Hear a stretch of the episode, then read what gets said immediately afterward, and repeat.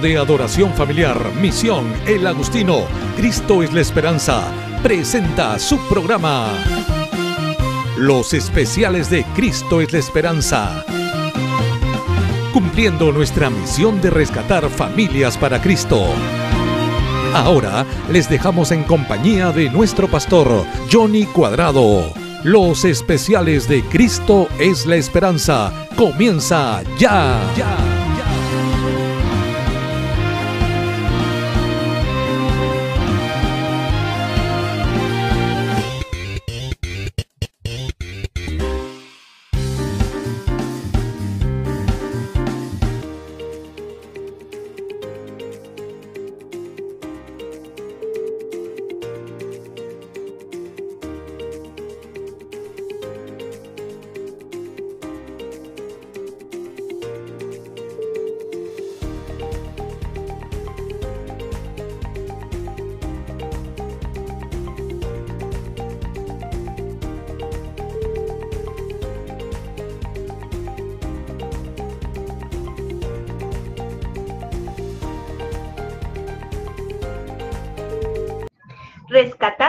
Familias para Cristo.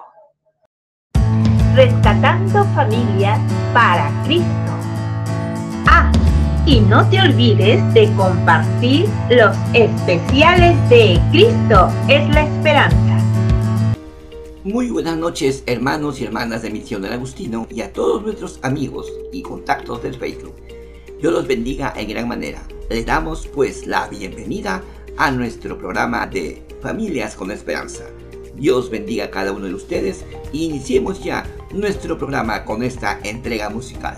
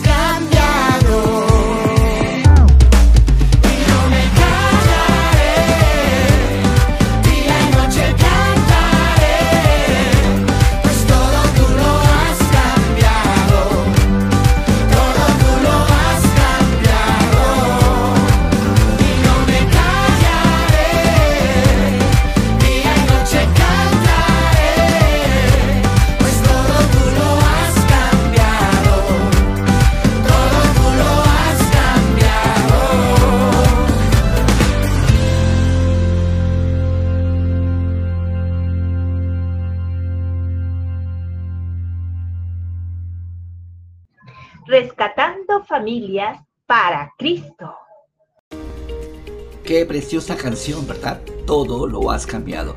Dice, me has enseñado a ver la vida con libertad. Me has dado una nueva identidad. Pues todo tú lo has cambiado. Todo tú lo has cambiado. ¿Quién fue el que cambió todo? Cristo. Él fue el que cambió todo, porque su amor quitó el temor que había en nosotros. Ahora nosotros tenemos paz y ya no vivimos en oscuridad, vivimos bajo la luz de Jesús. Y nuestras familias están siendo guiadas por la luz de Cristo. Su palabra dice, lámpara es a mi pies tu palabra y mi camino. El Señor ilumina el camino de nuestras familias con la luz de su palabra, creyendo que el Señor está allí, dispuesto a fortalecer y a bendecir nuestras vidas.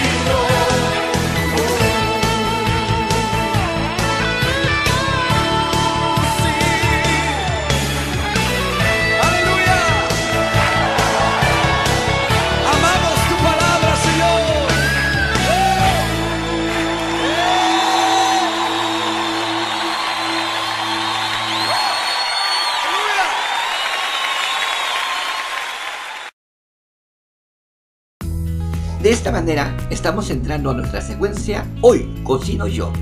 Y esta noche tenemos preparado algo especial para todas nuestras amadas hermanas y hermanos pues que les gusta el cocinar.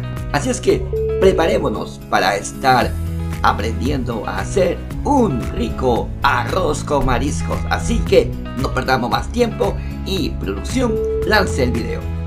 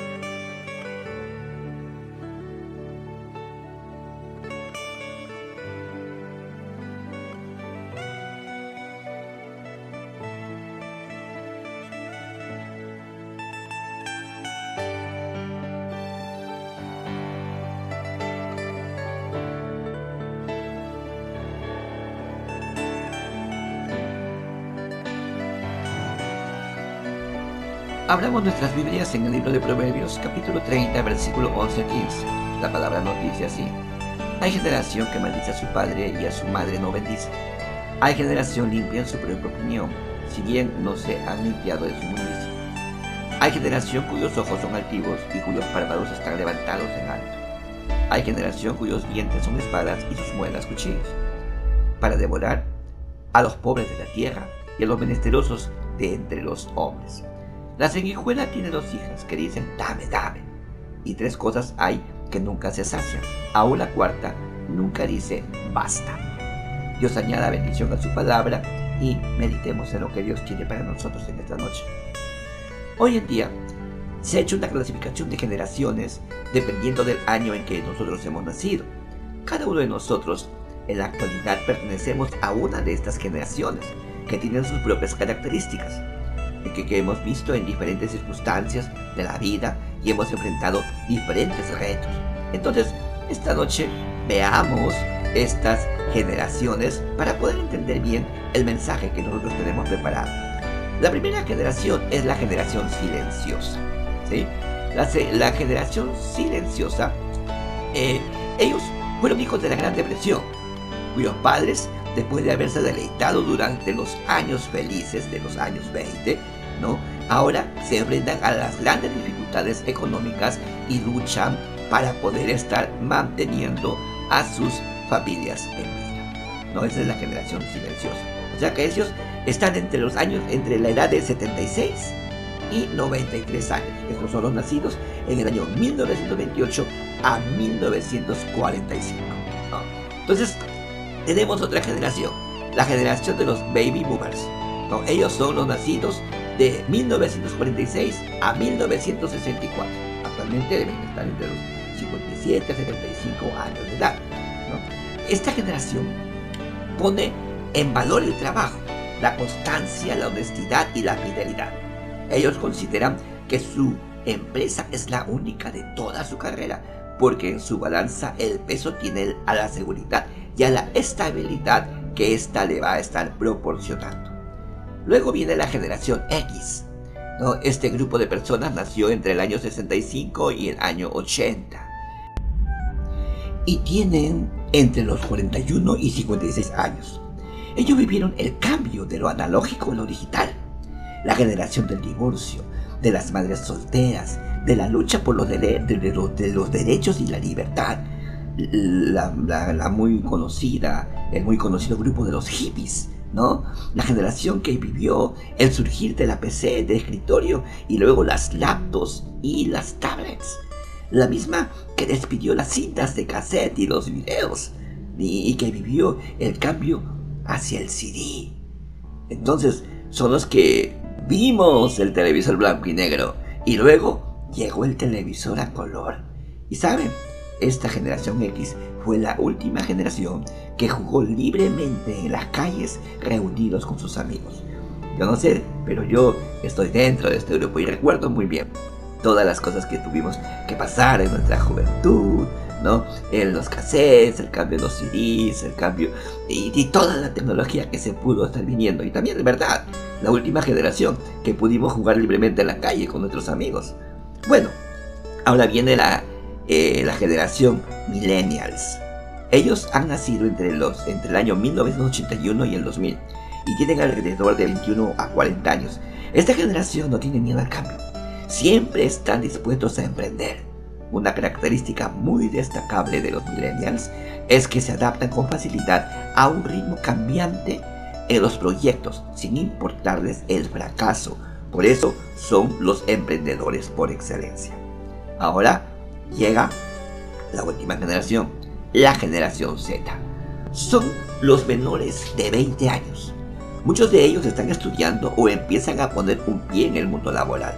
Gestionan muy bien la tecnología y las redes sociales y se caracterizan por ser autodidactas gracias a la información que proporciona la Internet. Muchos de ellos apuestan por emprender y vivir su propia empresa. Pero Independiente a la generación que pertenezcamos, la palabra de Dios nos enseña que hay errores que han afectado y que han llevado al fracaso a las generaciones en la historia de la humanidad. Estas, estos son los errores que nosotros como familias cristianas debemos evitar y no permitir que nuestros hijos caigan en los mismos errores. Veamos en el texto que hemos leído para comenzar cuáles son esos errores que destruyen generaciones y que nosotros debemos evitar en nuestra vida y también en nuestra familia. Primer error, menospreciar y deshonrar a nuestros padres. Dice en el versículo 11, hay generaciones que maldice a su padre y a su madre no bendice. Tenemos que saber que una generación que no honra a sus padres y que peor aún los maldice, es una generación que está destinada a fracasar. Es una generación de personas a las que no les irá bien en la vida. Efesios 6, 2, 3 nos dice, honra a tu padre y a tu madre, que es el primer mandamiento con promesa, para que te vaya bien y sea de larga vida sobre la tierra. Eh, una persona que maldice a su padre o a su madre es una persona que está trayendo tinieblas y muerte a su vida, es decir, dolor, amargura, esterilidad, sin esperanza. Fíjate lo que dice Proverbios 20:20. Al que maldice a su padre o a su madre, se le apartará, se le apagará su lámpara en oscuridad tenebrosa. Y Mateo 15:4 dice, porque Dios mandó diciendo, honra a tu padre y a tu madre, y el que maldiga al padre o la madre muera irreprensiblemente. Oiga, qué tremendo, ¿verdad? Tenemos que comprender que como hijos no somos jueces de nuestros padres. Y la palabra de Dios nos manda a honrarlos. Es decir, que los hijos de todas las edades debemos de honrar a nuestros padres sin importar si sus padres merecen o no merecen la honra. A veces no, mi padre no merece la honra. No, eso no te importa. Tenemos que comprender que al honrar a nuestros padres estamos agradeciendo a Dios y eso trae bendición para nuestras vidas. Colosenses 3:20 dice, hijos obedeced a vuestros padres en todo, porque esto agrada al Señor. Mira, honrar a nuestros padres significa no burlarnos de ellos, no menospreciarlos, ni con palabras ni con acciones, no abandonarlos, no dejarlos así abandonados y nunca visitarlos y nunca llegar a exclamar que no hubiéramos querido ser hijos de ellos. No hubiera querido ser tu hijo. Mira lo que dice Isaías 45:10. Ay del que dice al padre, ¿por qué me engendraste? Y a la mujer, ¿por qué me diste a luz? Ay de aquel. Ese ay es muy importante. ¿Por qué? Porque va a traer consigo una, eh, un castigo de parte de Dios. Uno no puede estar maldiciendo ni hablando mal de sus padres. Segundo error, el relativismo moral. Proverbios 30:12 dice, hay generación limpia en su propia opinión, si bien no se ha limpiado de su inmundicia. El relativismo moral es la creencia de que le da igual el valor, la legitimidad, la importancia y peso de todas las opiniones morales y éticas independientemente de quién, cómo, cuándo y dónde se expresan. Por tanto, las opiniones morales o éticas, las cuales pueden variar de persona a persona, son iguales no son iguales de válidas, ya que las opiniones y las circunstancias son cambiantes. Ningún principio moral puede ser considerado como una verdad absoluta o universal. Este error, eh, que ha destruido generaciones desde el huerto del Edén, con el engaño de Satanás de seréis como Dios, conociendo el bien y el mal. Dice la palabra del Señor, entonces la serpiente le dijo a la mujer, no moriréis, sino que sabe Dios que el día que comáis de él seréis abiertos, serán abiertos vuestros ojos y seréis como Dios, sabiendo el bien y el mal. El error de la generación es desechar la verdad de Dios y de tomar como verdad lo que todos aceptan como bueno, aunque esto sea pecado. Tenemos que comprender que no toda la sociedad acepta lo legal como bueno y como agradable a los ojos de Dios. La sociedad está viendo las cosas de una manera diferente. Entonces recuerda, el relativismo moral es una creencia que le da igual todo. No hay bueno ni malo. Si haces lo malo, bueno, está bien. ¿Entiendes? Entonces, nosotros tenemos que comprender que los conceptos universales de lo bueno y lo malo no definen la sociedad, ni las opiniones de los hombres, pues sus mentes están corrompidas por causa del pecado. El hombre está viendo el pecado como algo bueno, el hombre está viendo lo malo como algo que está, que es positivo. Es por eso que Pablo dice en el libro de Efesios, esto pues digo y requiero del Señor, que ya no andéis como los otros gentiles que andan en la vanidad de su mente, o sea, pensando que es, bueno haciendo lo malo. teniendo el entendimiento entenebrecido, ajenos de la vida de Dios por la ignorancia que hay entre ellos, por la dureza de su corazón, los cuales después que perdieron toda sensibilidad, se entregaron a la lascivia para cometer con avidez toda clase de impurezas. Oiga, ¿eso no te parece algo conocido? Algo como que está contemporáneo a lo nuestro. Parece que estuvieran hablando de nuestra sociedad, ¿verdad? Vemos cuántos políticos corruptos, cuántos hombres que dicen que van a hacer la verdad y hacen la mentira, cuántos hombres que con sus, con sus, eh, con sus exposiciones, con, con todas las cosas que están hablando, ellos dicen que van a hacer una cosa y hacen otra. ¿Por qué? Porque no hay verdad en ellos. Porque con una mano dicen verdad y con la otra mano dicen la mentira. Lo que Dios en su palabra ha establecido como pecado sigue produciendo muerte, sigue produciendo dolor y fracaso. Y todo aquello que en la Biblia no está definido como familia cristiana tenemos que enseñarles a nuestra generación que aunque algo no está prohibido, no todo conviene y no todo edifica. Y lo que no conviene ni edifica nos esclaviza. Tenemos que empezar a poner eso en claro. A tus hijos, a ver, tus hijos, a veces tus hijos dicen, no, pero si la Biblia no habla de fumar, la Biblia no habla de las drogas, la Biblia no habla de esto, entonces no es malo. Tenemos que aprender a estar explicando a nuestros hijos que no todo conviene, no todo edifica, y lo que no conviene y edifica va a estar esclavizándonos. Tenemos que entender la palabra del Señor dice, todas las cosas me son lícitas, mas no todas convienen. Todas las cosas me son lícitas, mas no, más yo no me voy a dejar dominar por ninguna. Todo me es lícito, mas no todo conviene. Todo me es lícito, mas no todo edifica, dice la palabra de Dios. Entonces, recuerda, recuerda, tenemos nosotros que empezar a vivir y salir del error del relativismo moral. Tenemos que empezar a poner nuestros ojos delante de Dios. Tercer error, un corazón lleno de soberbia. Hay generaciones cuyos ojos son altivos y cuyos párpados están levantados en alto. Proverbios 33. Hermanos, lastimosamente entre las diferentes generaciones que conviven, que conviven actualmente hay soberbia en sus corazones, sintiéndose superiores a la generación anterior y superiores a las generaciones posteriores. Muchos jóvenes ven con menosprecio a los adultos, a sus padres por sus limitaciones manejos de la tecnología. Mira que no, no se te hace sencillo de manejar. Si es tan fácil manejar la computadora, papá. Ya no te hagas. Menosprecian a tus padres. Porque no tienen la habilidad tal vez de poder estar entrando en, nuestro, en la tecnología, ¿no? En lo que es ahora lo virtual. ¿A cuántos de nosotros nos ha estado costando entrar en un momento digital?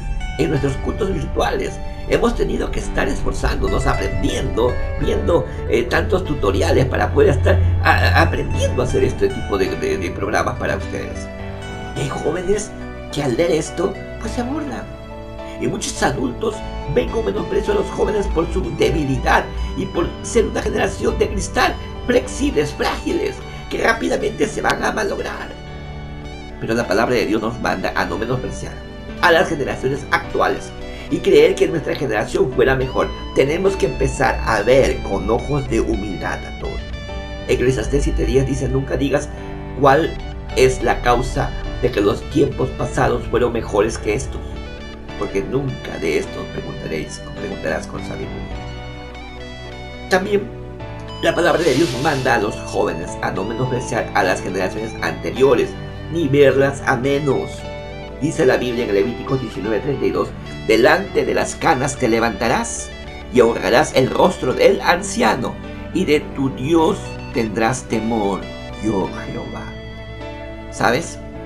Es algo lindo poder conversar con un anciano, con una persona de edad. A mí me gustaba mucho conversar con papá Fortunato. Bueno, fui criado por mis abuelos. ¿no? Y papá Fortunato para mí era un libro de historia. Y cuando conversaba con él, a mí me gustaba mucho que me cuente los años 20. ¿no? Cuéntame, cuando tú llegaste a Lima, papá, en el año 12, en el año 14. Papá, cuéntame cómo fue cuando pasó el cometa Halley en 1910. Y él me dice, mira, me dice, yo tenía 10 años y la gente, uy, pensaba que era el fin del mundo y caminaba de rodillas y todos gozaban. Era algo, pero tremendo. Y a mí me gustaba conversar. Tenía un amigo que también él mucho le gustaba hablar con mi papá porque era un libro de historia. Y sabes, nosotros tenemos que aprender de las generaciones anteriores. Porque dice, delante de las canas te levantarás y honrarás el rostro del anciano y tu Dios te, da, te tendrá y de, y de tu Dios tendrás temor. ¿Sabes? En lugar de tener un corazón lleno de soberbia, tenemos que tener un corazón humilde, comprendiendo que como tantas las generaciones pasadas como las actuales, podemos aprender los unos de los otros y ambas generaciones tenemos mucho que aprender unos de los otros. Así es que si tú todavía estás en la edad y te encuentras a un anciano en casa, si aún tus abuelos están vivos, habla con ellos, vas a aprender mucho, porque ellos te van a enseñar con sus hechos, con su experiencia, muchas cosas que tu corazón está ignorando.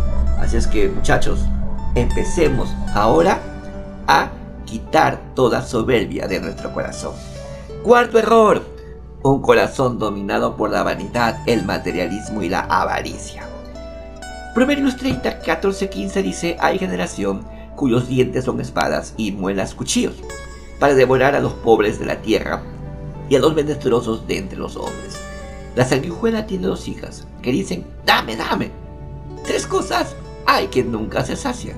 Aún la cuarta nunca dice basta. Nosotros tenemos que reconocer que cuando una persona tiene un, su corazón lleno de vanidad, de materialismo y de avaricia, es capaz de todo. No tiene misericordia de nada. No le importa quién puede dañar con tal de conseguir lo que quiere. ¿Te has dado cuenta de personas así? ¿Conoces a alguien así? ¿No? No le importa pasar por encima de todos. Esto es lo que tengo que hacer. No me importa si están mis padres, mis familiares, pero yo consigo lo que quiero. Muchas generaciones, hermanos, han sido afectadas cuando el materialismo ha llegado a su corazón y al corazón de sus padres, de sus madres, y por amor al dinero han dejado abandonado a sus familias, dejaron todo. Han emigrado a otros países en busca de una mejor economía familiar, pero lastimosamente muchos de ellos lo que lograron fue ver cómo sus familias se destruyen y cómo sus hijos se comenzaban a perder. ¿Sabes? Cuando la, vanidad y el materialismo y la avaricia llenan el corazón de los hijos, se convierten en personas sin misericordia, que exigen, que no valoran el esfuerzo de sus padres. Hay poder. Nosotros, para comprender, tenemos que comprender, tenemos que entender que todo lo que la palabra de Dios nos dice es real. Que todo lo que la palabra nos dice actualmente es verdad. La Biblia no miente. La Biblia es un libro antiguo, pero con verdades actuales. Mira, en el libro de Proverbios dice, hay quienes aman tanto el dinero que despojan a los pobres y a los indefensos de este mundo. Les sacan hasta el último centavo y los dejan desnudos en la calle. La chupasangre tiene dos hijas. Una se llama Dame y la otra Dame más. Es amiga de los que aman el dinero, pues este siempre quiere más. ¿No? Esa es la traducción del lenguaje actual de Proverbios 30, 14, 15 que acabamos nosotros de leer hace unos momentos. ¿Ve? Donde dice, hay generaciones cuyas dientes son como espadas. Y acá dice, en la traducción del lenguaje actual dice, hay quienes aman tanto el dinero que despojan a los pobres y a los indefensos de este mundo. Les sacan hasta el último centavo. Oiga, ¿no te parece eso actual? ¿No te parece eso actual? Tenemos que entender que la palabra del Señor está hablándonos a nuestra realidad. Porque quiere familias mejores. Porque quiere que las generaciones comiencen a estar desarrollándose, mejorándose. Y estos son los cuatro errores que destruyen generaciones. Nuestra generación no se perderá ni se destruirá si nuestras vidas están confiando en la bondad, la fidelidad y el poder de aquel que pertenece, que permanece fiel, aquel que permanece de generación en generación y su verdad es eterna, nuestro Dios. Dice el Salmo 105, porque Jehová es bueno y para siempre su misericordia y su verdad es por todas las generaciones. ¿Entienden? No estamos tratando de dividir las generaciones. No se trata de que yo soy de la generación silenciosa, yo soy de los baby boomers, no, yo soy de la generación X, yo soy de los millennials, no, yo soy la última generación, la generación Z, no. Se trata de poder estar manteniendo la unidad y no destruir nuestras generaciones. No importa el año en que tú hayas vivido, mantengámonos el respeto mutuo, respeto a nuestros padres, amor hacia ellos, amor hacia Dios y comenzaremos a vivir una sociedad de felicidad. Nuestra sociedad puede cambiar, hermanos. Nuestra sociedad puede cambiar, pero el cambio va a empezar de nosotros, de tu familia. Que tu familia mire a Cristo y tu familia comience a ser una familia de bendición. Mi familia te necesita. Dios, escucha este clamor. Que nos amemos y nos unamos como hermanos mi familia se vuelva a ti. Que olvidemos el rencor y lo pasado. Que en cada familia podamos decir home sweet home.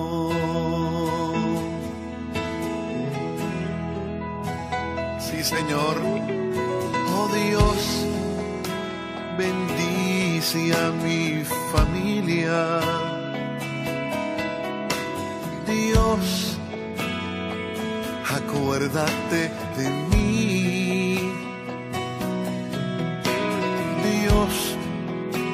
Familia te necesita.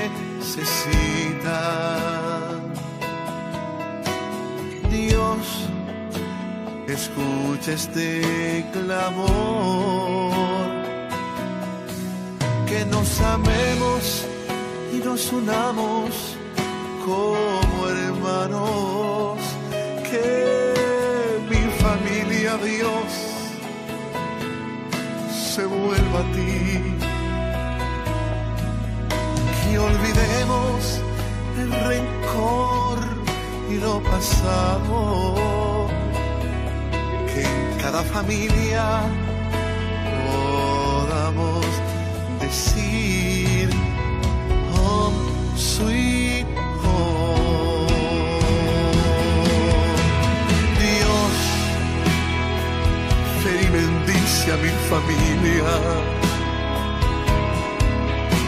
Oh Dios, te lo pido, escucha este clamor. Dios, mi familia te necesita. Dios, escucha este clamor, que nos amemos y nos unamos como hermanos, que mi familia se vuelva a ti. Y olvidemos el rencor y lo pasado, que en cada familia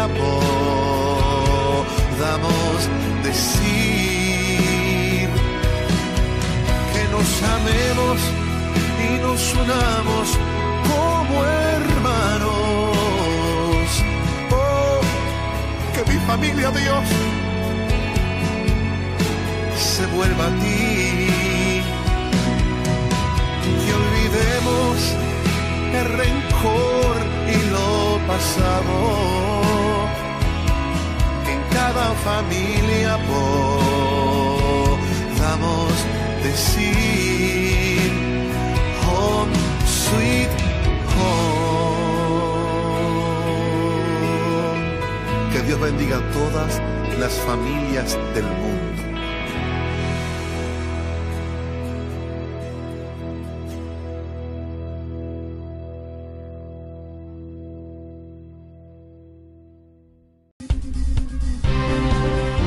El Centro de Adoración Familiar Misión del Agustino, Cristo es la Esperanza, tuvo el agrado de presentar su programa Familias con Esperanza. Un fuerte abrazo de sus pastores, Johnny y María Victoria. deseando que la paz de Dios esté sobre sus corazones. Bendiciones.